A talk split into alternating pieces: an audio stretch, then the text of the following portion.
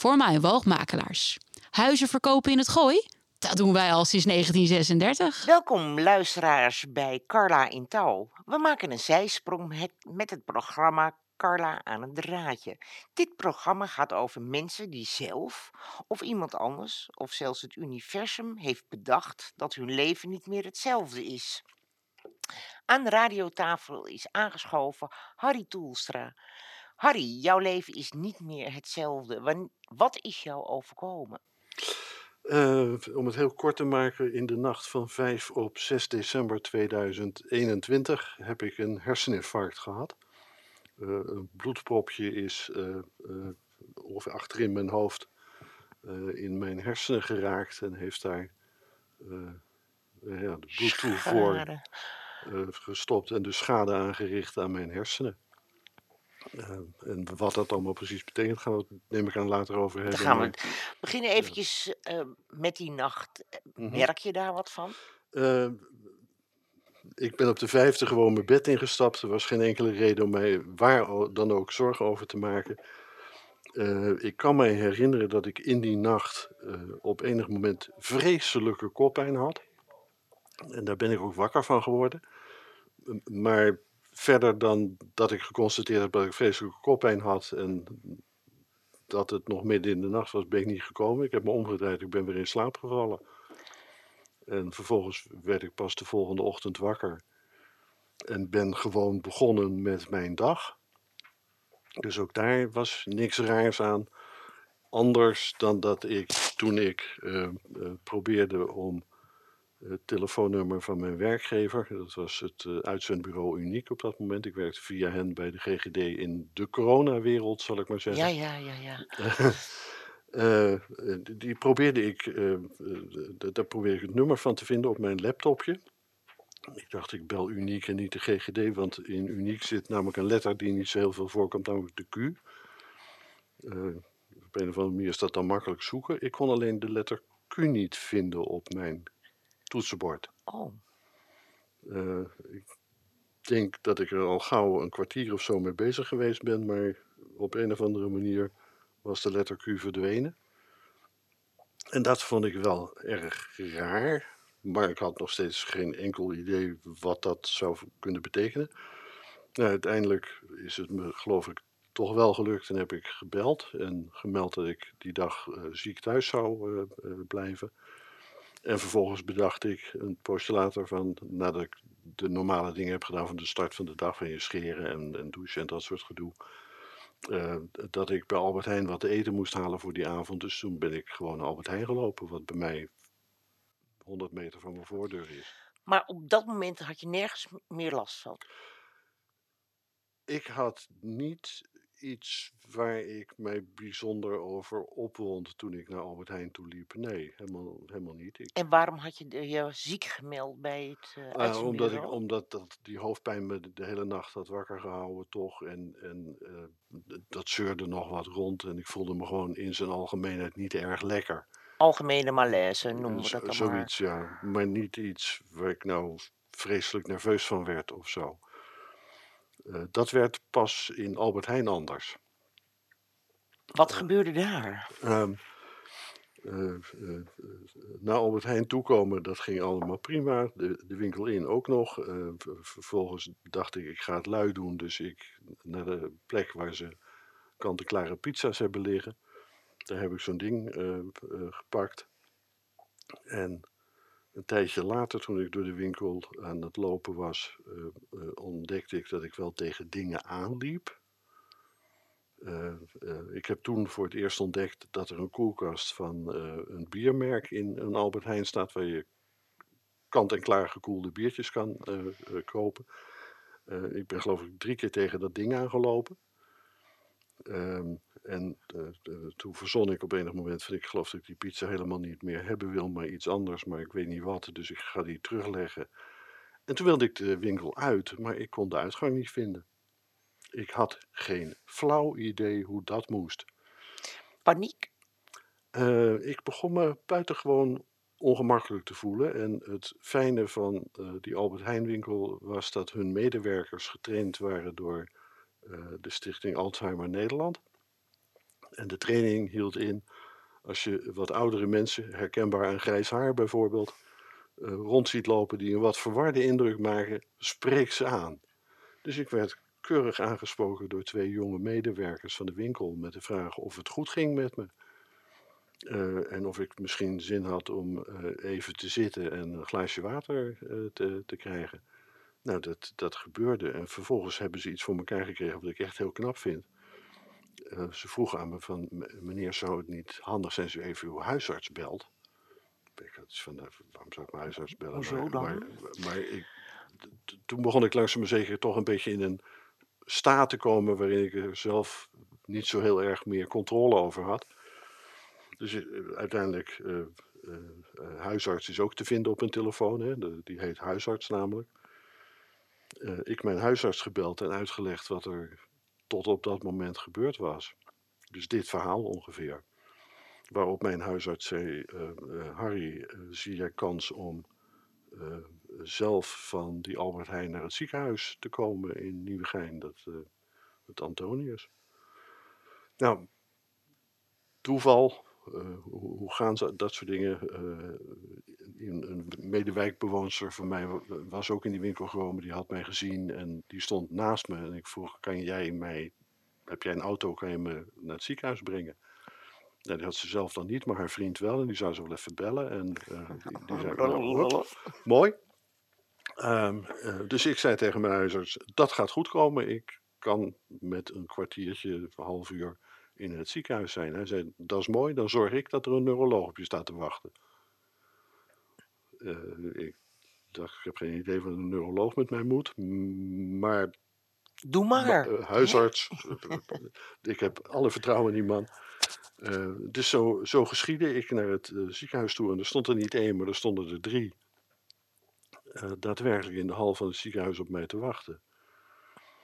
En ze zagen mij binnenkomen. Er moet iets aan mij te zien zijn geweest, waardoor ze onmiddellijk wisten dat het om mij ging. Uh, dus ik kwam bij die mensen. Uh, hoe gaat het? Je stelt je voor. En die man bewoog zijn handen wat langs mijn hoofd. En toen zei hij: Ik zie het al. Oh. U heeft waarschijnlijk een, een herseninfarct gehad. En uh, het resultaat daarvan is dat u een uh, hemianopsie heeft en mogelijkerwijze een neglect. Uh, er staat boven op de afdeling een bed voor u klaar en de verpleegkundige kunt u aanspreken als u behoefte heeft aan een paracetamol. Had je Ik... ook behoefte om te gaan liggen? Niet echt, zou ik maar zeggen, maar tegen de tijd dat ik daarboven was, was ik wel zo moe dat ik het niet erg vond dat ik in een bed ging. Maar ik was ook wat uh, perplex, want uh, ik had nog nooit van een hemianopsie gehoord in nee. mijn bestaan. Laat staan van een neglect. Dus ik had geen idee waar die man het over had. Echt, ik had geen flauw idee. Uh, maar herseninfarct klonk enigszins bekend. Ik was daar ook niet echt deskundig in, maar daarvan weet je wel dat het niet goed is. Nee, dan moet je er niet vaak veel nee, van hebben. Nee, nee dat, uh, uh, uh, en je hoofdpijn, was die intussen verdwenen? Nou, er was een zeurderig gevoel in mijn kop. Dus ik heb die, die verpleegkundige die bij dat bed aantrof, zou ik maar zeggen, eh, daadwerkelijk gevraagd om een paracetamol en die kreeg ik ook. Nou ja, dan lig je ineens in een bed in een ziekenhuis en heb je dus iets wat hemianopsie heet. Um, en die dag gebeurde er eigenlijk niet veel meer. De volgende ochtend werd ik zo'n buis ingeschoven in dat uh, ziekenhuis, zo'n scanner. Uh, daar kwam een prachtige plaat uit die dezelfde uh, neuroloog die me dat oordeel had gegeven de dag daarvoor liet zien. En hij zei van, ja, dat plekje dat is precies waar je visuele cortex zit. Dus dat deel van je hersenen wat over je gezichtsvermogen gaat. Dus ik denk dat het wel ongeveer klopt, die hemianopsie. Overigens, een hemianopsie betekent, heeft u me toen ook uitgelegd, hemia is uh, uh, half en nopsie niet zien. Dus betekent half niet zien. Het is bij u zo dat ongeveer alles wat links van de lijn, die recht vanuit je neus naar voren toe gaat, ziet u niet. Oh. Nou ja, daar lig je dan Vandaar dat botsen tegen die eh, tegen die, die kast. koelkast aan. Ehm, dat heb ik daar in het ziekenhuis verder nog mogen oefenen. Want als je op een, eh, je bed uit wil, kom je al snel op de gang van zo'n ziekenhuis terecht. En die gang is er niet alleen om van A naar B te komen, maar ook om kastjes en bedden en zo eh, te parkeren. Die ze even niet nodig hebben in die kamers. Ik heb alle kastjes en bedden aan de linkerkant van de gang wel Gevoeld. gevoeld. Oh, je dacht- Had het handig geweest als je je eerder gemeld had bij het ziekenhuis? Eh, we, we hebben het eigenlijk nooit gehad over wat er voor eh, eh, ging. Zo'n bloedpropje, want dat was het in mijn geval. De- de- Een Een herseninfarct? herseninfarct kan twee oorzaken hebben: een bloeding of een propje. Ik had een propje. Eh, meneer Van der Sar, die het laatst in Kroa- Kroatië een herseninfarct die heeft een bloeding ge- gehad. Het effect is allebei hetzelfde: een deel van je hersenen krijgt tijdelijk geen bloed en sterft af. En daarmee vervalt de mogelijkheid functie. ze- de functie. Nou, ik had een bloedpropje. Hadden ze daar wat aan kunnen doen?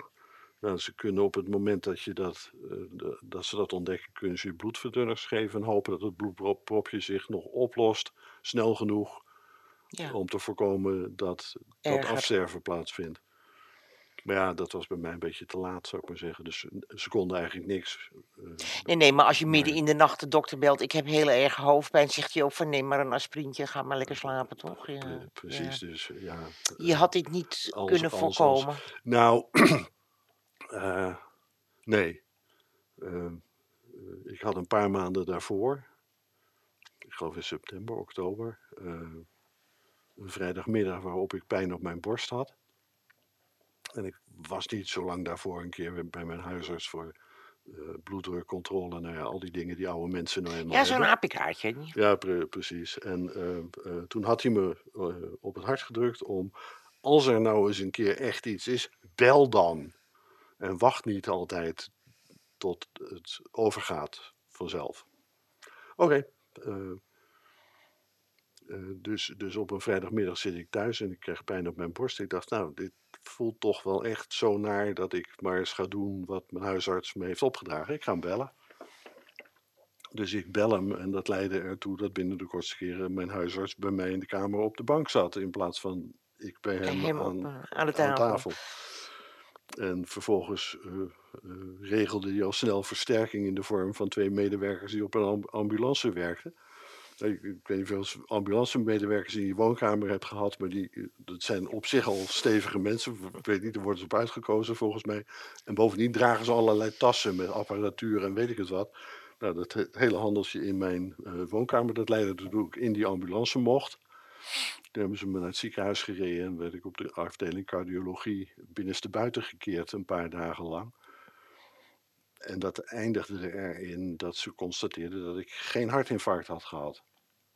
Maar wat dan precies wel was, dan weer niet zo heel erg duidelijk. Nou ja, dat, het ging weer over. Maar we Maar, gaan even terug naar je eh, nee, herseninfarct. eh, Oh, het, het belangrijke daarvan was, stel nou dat in mijn periode dat ik daar op cardiologie eh, lag, er iets wat zo nu en dan mijn hart doet, zich had voorgedaan, dan had ik vanaf dat moment bloedverdunners gehad. Maar het deed zich niet voor toen ik daar was. Ja, daar kan je dan achteraf van vaststellen. eh, Als het nou wel gebeurd was, was het allemaal helemaal anders afgelopen. Maar ja, het is gegaan zoals het gegaan is. Ja. En, nou ja, terug naar mijn herseninfarct en mijn verblijf daar in dat, eh, dat ziekenhuis. Eh, ze, ze konden dus niet veel met mij, want het was wat het was. Anders dan dat ze me konden aanmelden bij het revalidatiecentrum De Hoogstraat te Utrecht. Dat is het met- neusje van de zalm. Met de vraag, is er een plekje vrij? En dus diezelfde aardige verpleegkundige van de paracetamol, zou ik maar zeggen, die kwam weer eh, langs om te zeggen dat het gemiddeld zo was dat het een dag of acht zou duren voordat er een plekje zou zijn daar. Dat bleek voor mij al binnen vier dagen voor elkaar. Dus na vier dagen ben ik van het ziekenhuis naar de Hoogstraat verhuisd. We gaan even naar een stukje muziek luisteren, Harry. We gaan naar Bruce Springsteen, My Hometown luisteren.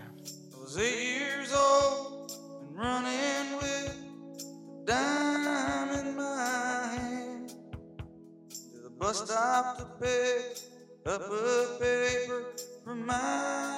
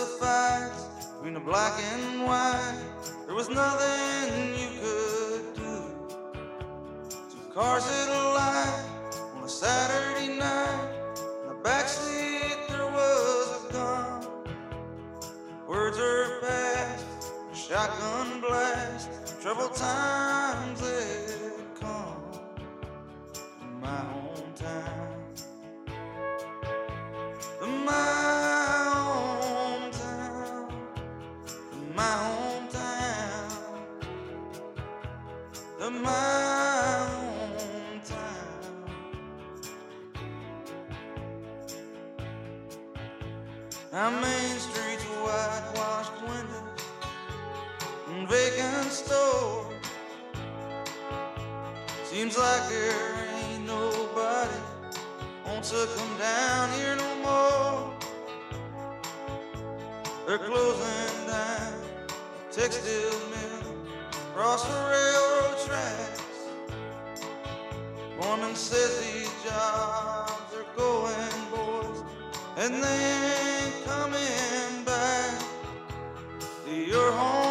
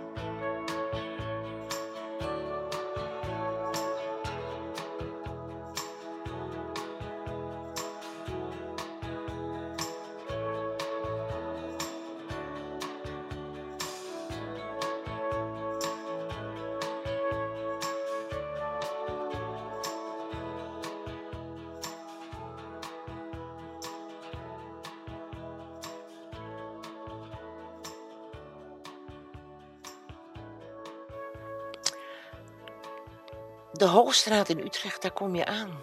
Mhm. Krijg je daar een eigen kamer? Krijg Ja. Je... Ehm, ik, ik kijk met ehm, bewondering eh, en heel veel warmte terug op de periode daar.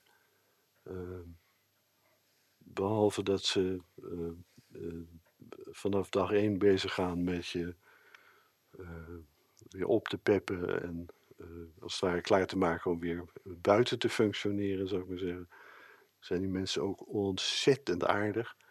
Een van de leuke dingen die daar gebeurde was, ik lag daar op mijn kamertje en iedere nacht, zo tegen middernacht, klop, klop, klop op de deur. Iemand die de deur opendeed, even naar binnen keek en als ze de indruk hadden dat ik nog wakker was, me een goede nacht eh, eh, wenste. Maar dat is zo heerlijk dat er iedere dag, eh, of iedere nacht even iemand langskomt om te kijken of je er nog bent. Of, je, in- of je het nog doet. Ja, heerlijk. Ehm, ontzettend veel fysiotherapie, ontzettend veel eh, eh, eh, andere eh, Want wat therapieën. waren je uitvallen, Harry? Nou, eh eh, hemianopsie, dus dat half niet zien, eh, bet- betekent in de praktijk dat eh, eh, in, in, het gangenstelsel van de Hoogstraat, dus een, een buitengang met allemaal zijgangetjes die, waar mensen uit kunnen komen. Als er een mens uit een gangetje van links kwam en ik liep toevallig in die hoofdgang, dan eindigde die altijd in mijn armen, want ik zag ze niet aankomen. Ehm, bij de liften in dat eh, prachtige pand hebben ze eh, van die hele grote bloempotten staan waar een plant in staat. Zo'n pot van anderhalve meter hoogte of iets dergelijks. Eh, die, die stond bij de lift net links van de deur. Dus als ik naar de deur toe liep en me niet oplette, dan liep ik altijd tegen de plantenpot aan. Ehm, als ik over straat loop, gisteren eh, was ik eh, eh, aan de wandel, er stond een kliko ergens op de stoep. Toevallig aan de linkerzijde. Linkerkant. Dus ik heb gisteren nog weer gezellig geknuffeld met een kliko. Eh, lantaarnpalen zijn ook een, een soort van nieuwe vriendengroep van mij. Daar wil ik ook nog wel eens een keer tegenaan lopen. En dat is dus omdat ik het aan de ene kant niet zie. En ik zei al van er is ook een ander ding geconstateerd en dat heet een neglect.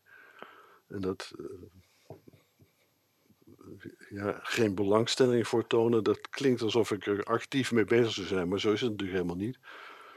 Ehm, ik, ik kijk, ik zie dat er een lantaarnpaal is en vervolgens word ik bijvoorbeeld afgeleid omdat er daar wat gebeurt.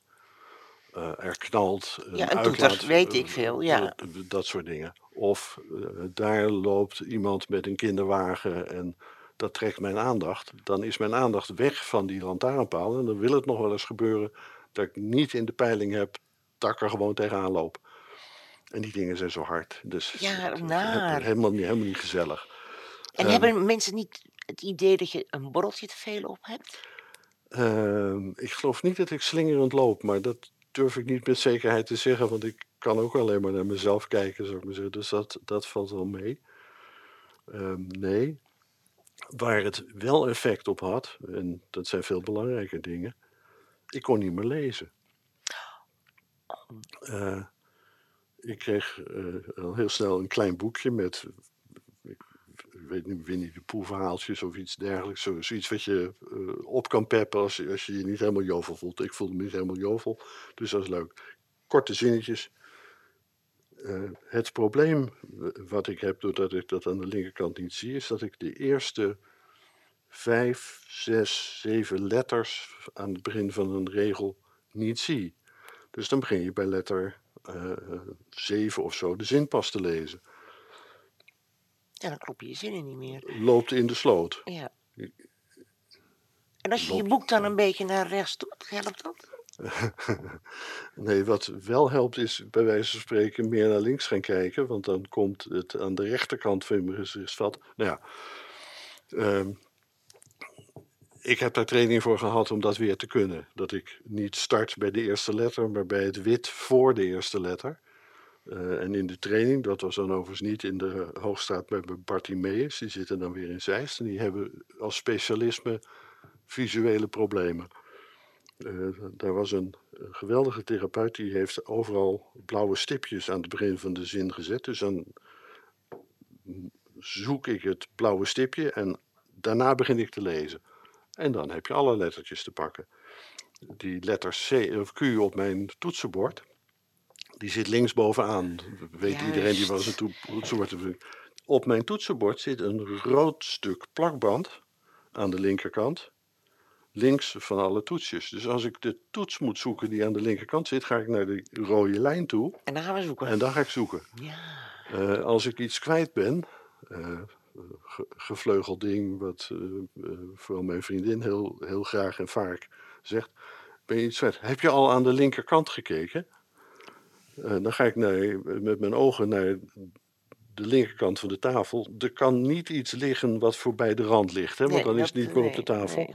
Dus kan ik dat krantje wat daar nu ligt zien. En daar ligt een ander dingetje, ik weet niet precies wat. afstandsbediening, denk ik. Eh, En, en iets met iets groens erop en er staan er glas en dat soort zaken. Ehm, maar om een voorbeeld te geven van waar het misging, eh, in datzelfde Bartimeus had ik een andere th- therapeute die kijktrainingen met me deed. Dus op, op straat eh, scannen. Eh, voorkomen dat ik onder die bus kom die dat, Ja, eh, dat de hele tijd heen en weer aan het rijden is. doe maar. Nou, ehm, die had een kantoortje daar in, eh in Bartimeus. Dus wij daar s'morgens in. Ik ga met haar eh, zitten praten. En zij zei, Harry, heb je toen je binnenkwam gezien dat er nog een andere tafel in de ruimte staat? Andere tafel in de ruimte? Ja, daar links. Die had ik dus niet gezien. Eh, ze, ze wijst me erop, dus ik kijk zo naar links. Oh ja, daar staat die tafel. Nou, een tijdje later zegt ze me: eh, Heb je de pilonnen gezien? De wat? De pilonnen. Weet je wel, van die plastic dingen die kleur hebben. eh, in, in verschillende kleuren: rode, gele, groene. Nee. Die tafel herinner je je? Oh, Ja, die tafel weet ik. Links op die tafel stond dus een heel setje van die pilonnen zoiets volstrekt opvallends. Waar je, als je een kamer binnenkomt die niet zo groot is, een kantoortje, hè, waar twee bureautjes in kunnen staan. En daar staan gekleurde pilonnen in, dan is er geen gewoon mens die die dingen niet ziet. Ja. Dat kan niet. Dat kan dus wel. Eh, als je een hemianopsie hebt, dan kan je die dingen gewoon niet zien. Ehm, de, de- de- een van de trainingen eh, in de Hoogstraat was eh, eh, de bushalte vinden. De, ju- de juiste bus identificeren en in de bus stappen, et cetera. Ehm, maar dat wel zo doen dat ik dus niet op straat ging staan. want als er dan een bus van links komt, dan zie ik hem Ja, niet dan je te laat, ja. Nou, ik wilde maar niet geloven dat dat waar kon zijn. Een bus is een gigantisch ding. dus heb ik een keer voor mezelf een test bedacht. En die heb ik pas achteraf eh, verteld aan mijn eh, therapeuten. Ik ben naar een tramhalte gegaan in eh, Nieuwegein. Daar hebben we een sneltram. Hè? Ehm, als je daar op het perron gaat staan, dan is er net als bij de spoorwegen, dus bij de NS-stations, zo'n strook waar je met zo'n tasstok ribbeltjes op veilige afstand van het spoor eh, over het perron kan lopen. Nou, ik, dus op veilige afstand staan en nog een extra stap erachter. En eh, naar de overkant kijken en niet naar links waar die tram vandaan komt. Dus ik naar de overkant kijken naar een bordje waar ik absoluut niet lezen kon. Ik dacht, dan ben ik in ieder geval geconcentreerd op iets wat recht voor mij staat. En eh, dan zien we wel of ik die tram wel of niet zie als die van links aankomt. Plotseling stond er een tram recht voor mijn neus. Ik dacht, het klopt dus. Je kunt, eh, als je een tram kan missen, kan je ook een stadsbus Ja. missen. Ja. We gaan weer even naar een stukje muziek. Paul Simon met Graceland. The Mississippi Delta was shining like a national guitar. I am following the river down the highway through the cradle of the Civil War. I'm going to Graceland, Graceland, to Memphis, Tennessee. I'm going to Graceland. Poor boys and pilgrims with families, and we are going to Graceland. And my traveling companion is nine years old. He is the child of my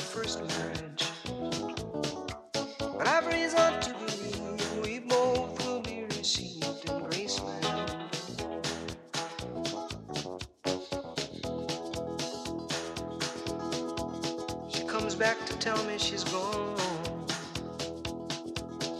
As if I didn't know that, as if I didn't know my own bed. As if I'd never noticed the way she brushed her hair from her forehead. And she said, Losing love is like a window in your heart. Everybody sees you're blown apart.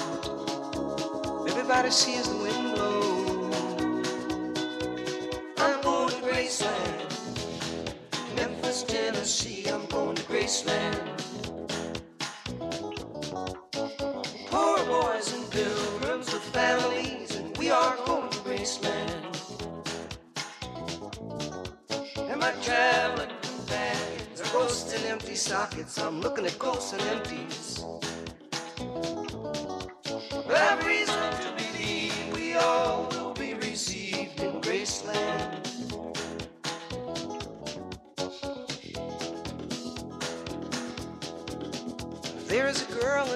City who calls herself the human trampoline.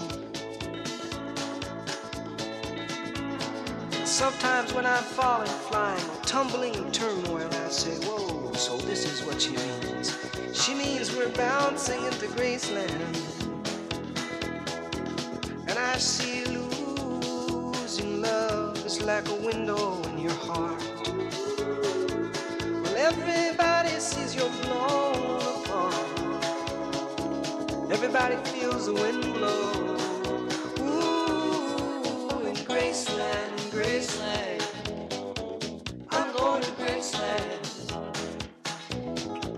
For reasons I cannot explain, there's some part of me wants to see Graceland. And I may be obliged to defend every love, every ending, or maybe there's no obligations to believe we all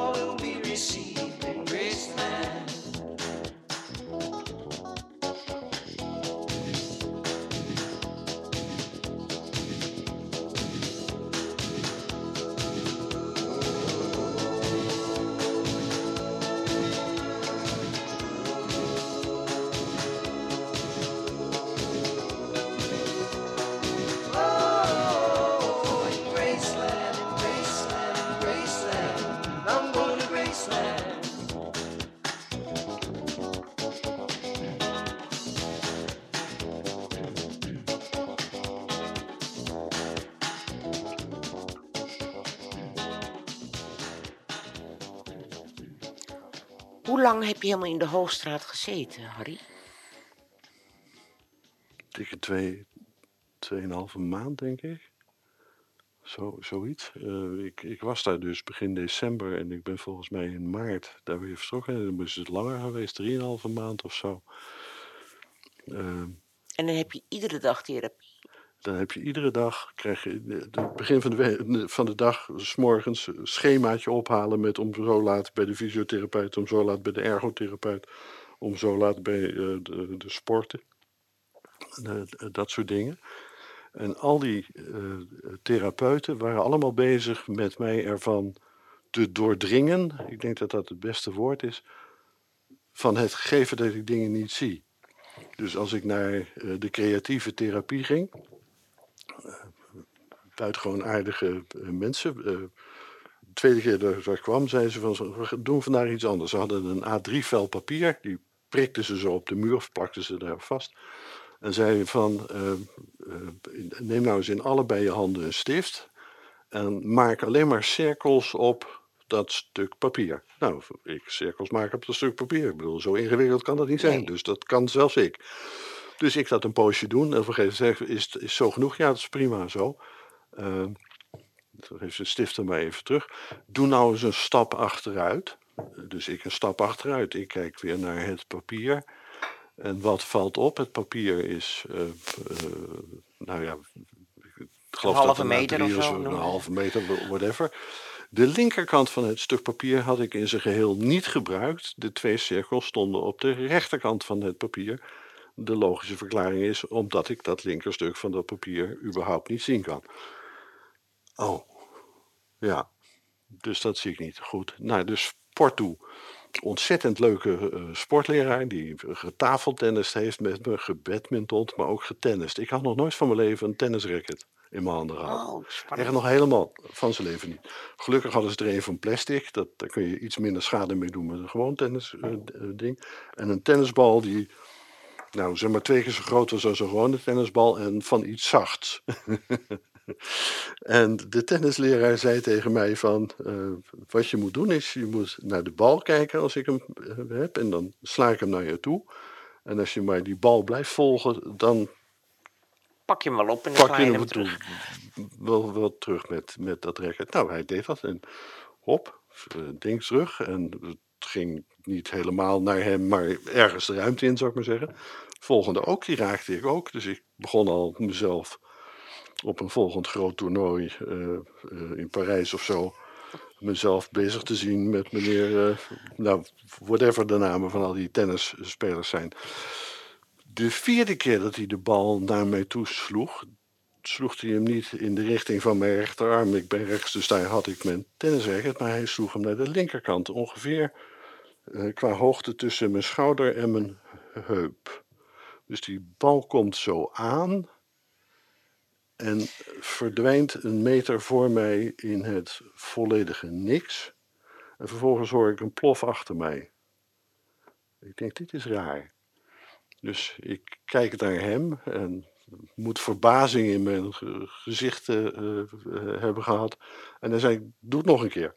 En dit deed precies, eh, die, die man was hartstikke goed in dat slaan van dingen. Dus gewoon precies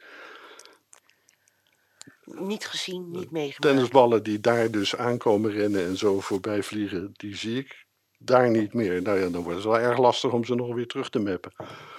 Eh, alles was er dus op gericht om me er maar te van doordringen dat ik daadwerkelijk aan de linkerkant iets niet zie en dat het nuttig en nodig en handig was om er wat aan te doen om dat probleem als het ware eh, eh, ja, op te lossen. Eh, Maar hoe los je dat dan op? door ehm, eh, wat kijkoefeningen heet bij Bartimeus. Ik kijk in het midden, ik kijk naar links, ik kijk naar rechts. Ik kijk in het midden, ik kijk naar links, ik kijk naar rechts. Ik kijk in het midden, ik kijk naar links, ik kijk in het midden, ik kijk naar rechts. Er hangt een strook papier bij mij thuis aan de boekenkast. eh, gewoon een strook papier met in het midden een geel streepje of een oranje streepje. Eentje rechts en eentje links. En daar zit ik dan eh, vijf minuten lang eh, eh, te oefenen. En dat moet een automatisme worden. Dat ik buiten rondloop, dat ik de hele tijd bezig ben met niet alleen voor me te kijken, maar ook naar links en ook naar rechts. En weer terug naar het midden. Door zo eh, te, te scannen is de waarschijnlijkheid dat er iets aan de linkerkant gebeurt wat ik niet meer zie, een stuk minder groot. Want ik verplaats als het ware mijn blikveld, zodat het in de rechterkant van mijn blikveld Ja. terechtkomt. Nou, zo. Ja, zei de therapeuten er op enig moment wel bij van je moet je wel realiseren dat gewoon een wandeling, wat vroeger iets was wat je zomaar fluitend deed en je kop op, eh, op, op nul zou ik maar zeggen, en alleen maar stappen, dat dat wat functioneler is geworden. Dus dat klopt. Overal bij nadenken. Ik ben, nou, dat, dat trainen is er voor een deel ook op gericht om het tot een automatisme te maken. Eh, dus dat naar links, naar rechts, rechtuit, links, rechts, rechtuit. Dat je daar niet meer over nadenkt. Maar ja, zover ben ik. Nou nee, dit is voor een deel wel gelukt, maar het blijft een inspannend eh, fenomeen. Vind je dat- irritant? Nou, wat, ehm, wa- wat ik me gerealiseerd heb, is dat eh, zoiets als dat wandelen, wat ik mijn hele leven al deed, eh, eh, de hele week hard werken en dan op zondagochtend even de administratie doen en dan de wandelschoenen aan en een uur lopen. om je hoofd vrij te krijgen, gewoon te genieten van de vogeltjes en dat soort dingen. dat dat wel een heel groot goed is. Als je dat zomaar kan.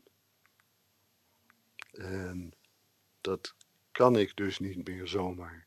Hij merkt hè? Eh, en dat, dat, dat klinkt als niks. ehm, maar dat zijn dus van die hele grote dingen eigenlijk. Eh, dat ik niet meer kon lezen. eh, kan ik gelukkig nu weer wel. Ehm, dat was heel concreet. Daar kon ik onmiddellijk van zeggen: van, ja, maar dat moet anders. Want Ja. anders zou ik niet weten w- waar ik nog moet met mijn eh, bestaan. Zoiets als dat wandelen, dat eh, werd me pas in de loop van de tijd duidelijk. Ehm, dat ehm, eh, eh, ze me op enig moment hebben uitgelegd. Als je met je rijbewijs, omdat die verlopen is, naar het gemeentehuis toe gaat en vraagt: mag ik een, eh, eh, een verlenging of hoe heet Ja. het? Dat ze dan een vraag stellen over: heeft u toevallig een van deze klachten en eh, dat ik dan geen nieuwe kreeg, dat snapte ik ook nog wel. Maar vervolgens realiseer je dan, maar ja, wacht even, dan betekent dat waarschijnlijk ook dat als ik op een fiets ga zitten, dat dat ook niet zo handig is. Er is geen fietspolitie in Nederland. Hè? Je hoeft geen fietsbewijs te hebben om te mogen fietsen. Dus er is niemand die me van een fiets afhoudt. Anders dan ik zelf. Want dood wil ik niet. Nee, doe maar niet. En we willen het ook een ander niet aandoen. Eh, en een ander over je heen laten rijden door eh, gewoon eigenwijs te zijn, dat, dat is het ook niet. Maar fietsen vind ik wel hartstikke leuk. Er is weinig zo lekker als diezelfde zondagochtend eh, te gebruiken om met je fietsje van Nieuwegein even de lek over te steken en dan richting Betuwe te peddelen. En niet omdat ik nou zo'n geweldige fietser ben, want harder dan 25 kan ik niet. Gaat daar gaat het niet over. Het gaat om de vrijheid die je Pre- hebt. precies de, eh, nou ja, eh, dat soort mooie dingen. Ehm, ik was toen ik ontdekte dat ik niet meer kon lezen heel bang dat als ik een museum in zou lopen, eh, dat ik moeite zou hebben om die schilderijen nog in me op te nemen. Dat blijkt niet waar te zijn. Ik kan ze gewoon zien. Ik moet me alleen wel concentreren, want ik heb ook hier in Singer eh, eh, rondgelopen. en een gang door. Aan het eind van de gang dacht ik, hingen nou aan de linkerkant ook schilderijen of was die muur nou helemaal leeg?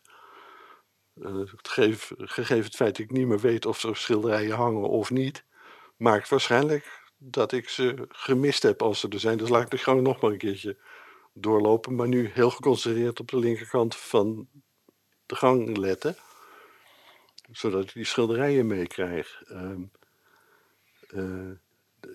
D- dat, dat soort dingetjes, ja, dat, dat gebeurt. En dat is raar.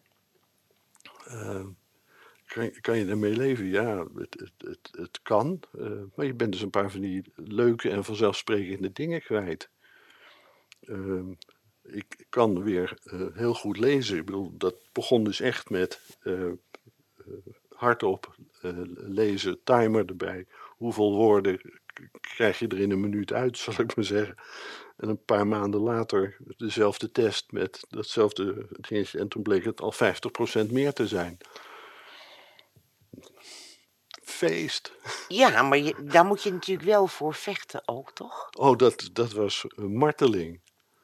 Ehm, net als die kijktraining, eh, daar hadden ze ook nog een apparaat voor, wa- waardoor geprojecteerd werd op een muur. En dan kwam er iets recht voor me en dat was een getal, eh, laten we zeggen een 6. En dan was er links een, dat was een 3. En dan rechts een, dat was een 9. En zomaar door. Dat klinkt heel eenvoudig, maar je kan dus echt spierpijn aan je ogen krijgen, Ja. heb ik ontdekt. Ehm, nog even los van het gegeven dat ik voor het eerst in mijn leven me realiseerde dat als je een tekst hebt gelezen, dat je daarna die tekst aan het processen gaat. Daar doe je iets mee. Daar had ik koppijn van ineens. Ehm, Door de inspanning? door de inspanning. eh, want eh, krijg je er allemaal gratis bij als je een eh, hersenletsel krijgt. Nou ja, ik zei al van eh, eh, een hemianopsie en dan iets wat een neglect heet, dus dat, dat was wel raar. Eh, de eerste keer dat ik met de bus zelfstandig naar de beeld ging, de holle beeld, dus een, een halte, daar loop je een stukje, daar zit een Van der Valk eh, hotel, restaurant waar je gezellig een kopje koffie kan drinken. Dus de straat oversteekt is er een prachtig bos. Daar ging ik al heel vaak eh, eh, wandelen en picknicken en, leuke en gezellige dingen doen. Dus ik had daar afgesproken, zelfstandig met de bus vanuit Nieuwegein naar de Hollebeeld. Dus ik was helemaal blij dat dat ging. Helemaal goed. Gezellig eh, picknicken, kopje koffie. Dag tot de volgende keer. Ik wandel terug naar de bushalte. Ik weet nog dat ik op straat liep. En daar houdt het op. En het volgende wat ik me herinner is het plafond van het Antonius ziekenhuis. Ik had een epileptische aanval gehad. Ik ben op straat in elkaar geploft. Zomaar. Ja, dus toen had ik er ook nog ineens epilepsie bij.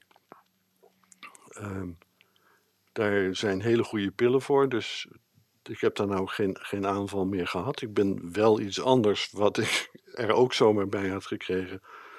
Eh, eh, hallucinaties had ik daarvoor. Eh, die, die pillen tegen de epilepsie maken ook dat de hallucinaties weg zijn. Tenminste, dat is de verklaring die ik erbij gekregen heb. Nou, hallucinaties zijn rare dingen. Dat is echt heel vreemd. ik, ik, ik had hallucinaties waar ik niet per se bang van werd. Dat, de, dat was een, gelukkig toeval, zal ik maar zeggen. Uh, voor mij waren trolletjes, een soort van tuinkabouters. maar dan een beetje Scandinavisch gekleed, dus een, een, zo'n jagerspetje op en die schoens en stoere keeltjes. Ehm, en dat was, normaal liepen die gewoon de, door de muur naar de kamer binnen en dan liepen ze door en dan verdwenen ze aan de andere kant van de kamer ook weer door de, de muur. Maar ze wilden ook nog wel eens op de neus van de auto gaan zitten, dus op de, Motorkap. motorkap heet dat. Dus dan zat daar ineens een troll. Nou had ik daar last van, maar degene die achter het stuur zat gelukkig niet. Dus dat is dan niet zo heel erg. Um, maar een variant erop was, en dat had dan niks met die trollen te maken, is er staan wel eens van die uh, afzettingen die, als ze niet nodig zijn, aan de kant van de weg staan. En die wilden nog wel eens, als we aankwamen rijden, zichzelf verdubbelen, waarbij dan een van de twee, de verdubbeling, ineens recht op de weg ging staan, zodat we er niet doorheen konden, dacht ik. En dan schrik je je rot. Maar gelukkig zat ik niet aan het stuur en ik ben redelijk goed in staat om iets niet te doen wat de meeste anderen heel vreselijk vinden. Vooral als een man het doet terwijl een vrouw stuurt. Namelijk je bemoeien met hoe er gestuurd wordt. Ja, dat, is, dat is goed dat je dat niet doet. Ja. Nee, precies, precies. Dus, maar ik zat daar wel zo met uh, help, wat gebeurt er uh, nou allemaal? Um, dat fenomeen heeft een, naam, dat heet het Charles Bonnet-syndroom. Iedereen die daar iets over wil weten, die moet maar de boeken van Oliver Sacks uh, opzoeken. Dat is een, neuroloog uh, die uh, heel veel patiëntenverhalen van patiënten van hem heeft opgeschreven. En dan gaat het ook heel vaak over hallucinaties en hoe dat werkt en waarom dat griezelig en raar en vreemd is. Nou, ik was dus op weg van uh, dat Van der Valk naar die bushalte waar ik uh, ergens onderweg die epileptische aanval kreeg. Vlak voordat ik hem kreeg heb ik mijn laatste hallucinatie gehad. Toen waren die uh, gezellige tuinkabouters ineens hulkachtig grote wezens geworden. Die over mij heen stonden met een stuk of vijf. En ik weet nog dat ik tegen mezelf zei: Ach, het is niks anders dan een hallucinatie, dus ik doe geen kwaad, ik kan gewoon doorlopen. En toen boem ben ik in elkaar geklapt. Dus dat kreeg ik er uh, ook gezellig bij. En het meest akelige van zo'n hersenaandoening is dat je energieniveau is aangetast. Als ik uh, uh, gewoon mijn dagelijkse dingen doe, dus ik stap uit bed, ik doe douchen en, en, en, scheren en dat soort dingen. Ik maak mijn ontbijt en eet het op. Ik ruim de spullen op van het ontbijt. Ik ga naar Albert Heijn. Uh, ik kook en ik eet. Dan heb ik het eigenlijk wel gehad voor de dag. En dan is het intussen één uur? Nee, dan, dan heb ik de dag wel uh, qua uren gehad. Maar dan heb ik ook alles wat ik aan kan wel uh, gehad. Dat is voor iemand die ehm, naast gewoon werken uh, ook nog wel eens wat vrijwilligerswerk deed. Ik was een soort van bestuursfunctie, verzamelaar zou ik maar zeggen. Is hem niet, hè? Dat gaat, dat gaat niet werken. Daar uh, straks meer over. We gaan even naar Herman van Veen met fiets. hey, kleine meid, op je kinderfiets. De zon draait steeds met je mee. hey, kleine meid, op je kinderfiets. De zomer glijdt langs je heen. Met je haar in de wind en de zon op je wangen. Rij je me zomaar voorbij,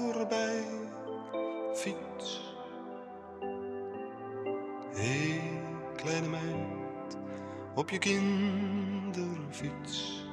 Je lacht en je zwaait naar een zwaan. En de vijver weer spiegelt je witte jurk. En het riet fluistert je aan. En het zonlicht speelt in de wielen. Schitterend strooien met licht. Fiets.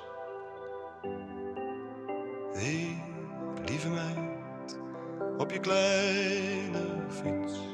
Als een witte stip in het groen. Slingert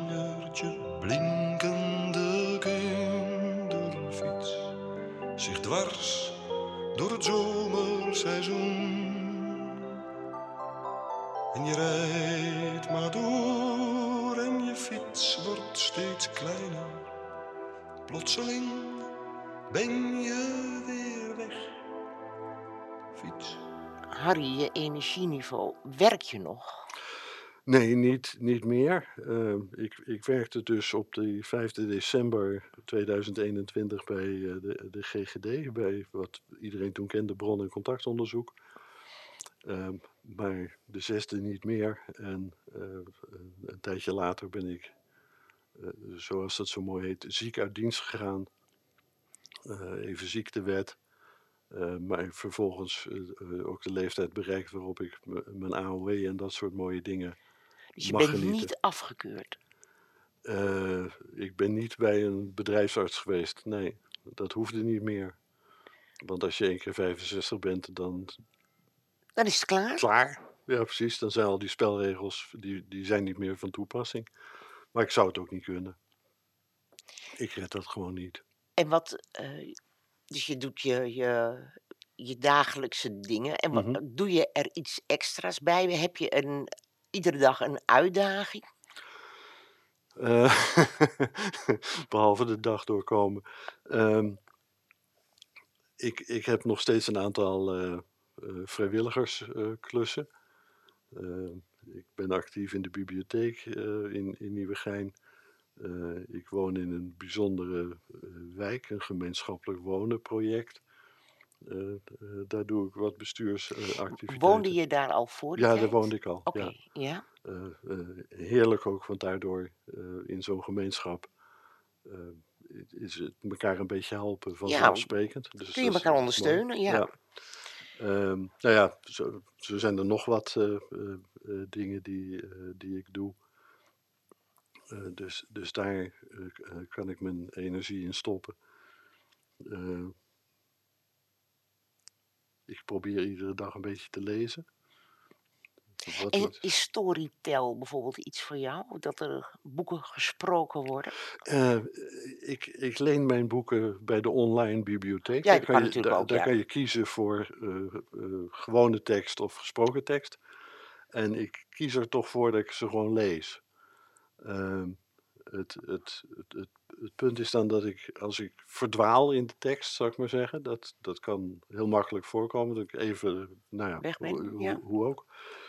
Eh, dan kan je met gewoon lezen heel makkelijk terugvinden waar je vandaan kwam. Terwijl bij luisteren moet je dan terugspoelen en, en toestanden. En, Ja, nee, dat is nou, niet te doen. dat, dat, dat, dat, Nee. vind ik heel ongemakkelijk. Eh, dus dus dat, dat probeer ik. En eh, ja, nou ja, voor- de rest heb ik gewoon eh, mezelf om voor te zorgen. En daar heb je je handen aan vol. ja, het klinkt heel raar misschien, maar een tochtje naar Albert Heijn om gewoon je boodschapjes te halen, is voor mij toch een redelijk inspannende bezigheid. Er zijn daar mensen, eh, er, er rennen kinderen rond, je wil niet te veel ongelukken maken en die hele grote stapel met blikken. Laat staan, ja, laat staan. ja, daar hebben we niet zoveel aan. eh, Ben je de mensen bij Albert Heijn dankbaar dat ze jou toch hebben doorgestuurd? die, die, de- dat, dat, dat, eh, dat die twee jonge mensen op mij zijn afgekomen en me hebben geholpen, dat, dat vind ik nog steeds geweldig. Eh, eh, ik, ik weet niet hoe, bij hoeveel winkels dat eh, zo is, dat de medewerkers zich daar bewust van zijn, maar dat werkt dus echt heel goed. En dat is eh, hartstikke mooi. Dus sowieso iets wat, eh, als, ik, daar even iets over mag zeggen, wel bijzonder is. Ik was niet iemand die heel makkelijk om hulp eh, vroeg. Ik kon het allemaal wel. Ja. Gelukkig maar. Eh, een van de dingen waardoor ik bijvoorbeeld nu eh, eh, het zo nu en dan aandurf om een gebied in te lopen wat ik niet ken, waarvan ik niet precies weet hoe ik daar komen moet, is dat ik me realiseer dat ik altijd wel mensen tegenkom. En die kun je gewoon allemaal vragen van, Fort Jutvaas, is dat nou daarheen of moet ik dan daarheen? Eh, Ze lopen met je mee als het eh, eh, past, zou ik maar zeggen. Sterker nog, een van de dingen die ik heb gemerkt is dat er mensen zijn die naar je toe komen, zelf dus. Meneer, kan ik u helpen? Waar moet u naartoe? En dan ondertussen je al bij je arm pakken en je een bepaalde richting induwen. terwijl je iets, ik wil, ik wil de andere kant op. Eh, mensen zijn gemiddeld genomen hartstikke lief en, en hulp, eh, eh, hulpvaardig. Behulpvaardig. Dus Harry, mooi. mag ik jou hartelijk bedanken voor dit prachtige gesprek. Je, bent, je was heel hartelijk welkom. We weten nu iets van wat je kan overkomen als je een herseninfarct hebt. Dank je wel voor dit mooie gesprek. Graag gedaan. Het gaat niet over cijfers. Het gaat niet over geld. Het gaat niet over bezit, maar over wie voor jou het allermeeste telt. Het gaat niet over woede. Het gaat niet over haat. Nee, het gaat niet over afgunst. Het gaat om wie jou in je waarde laat. Het gaat niet over leeftijd. Het gaat niet over lust. Het gaat niet over de mooiste. Het gaat om wie je het allerliefste kust.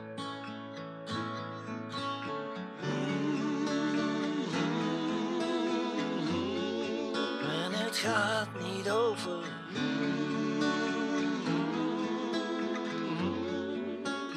Gaat niet over. Nee, het gaat niet over.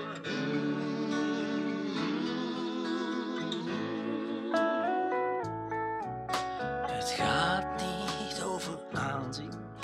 Het gaat niet over roem.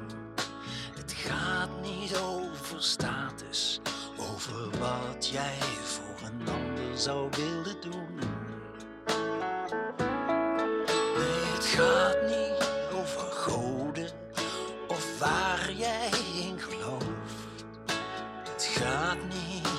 Niet over helden, maar of iemand doet wat hij je heeft beloofd.